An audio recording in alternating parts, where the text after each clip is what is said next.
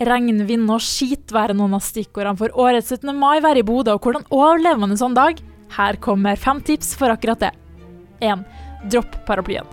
Enten du har brukt flere hundrelapper på en nydelig bunadsparaply, eller du låner den som tilfeldigvis fløy fra naboens eiendom i fjor, så kommer den til å blåse.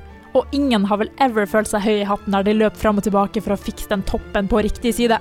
2. For all del skru av direktesendinga i Oslo.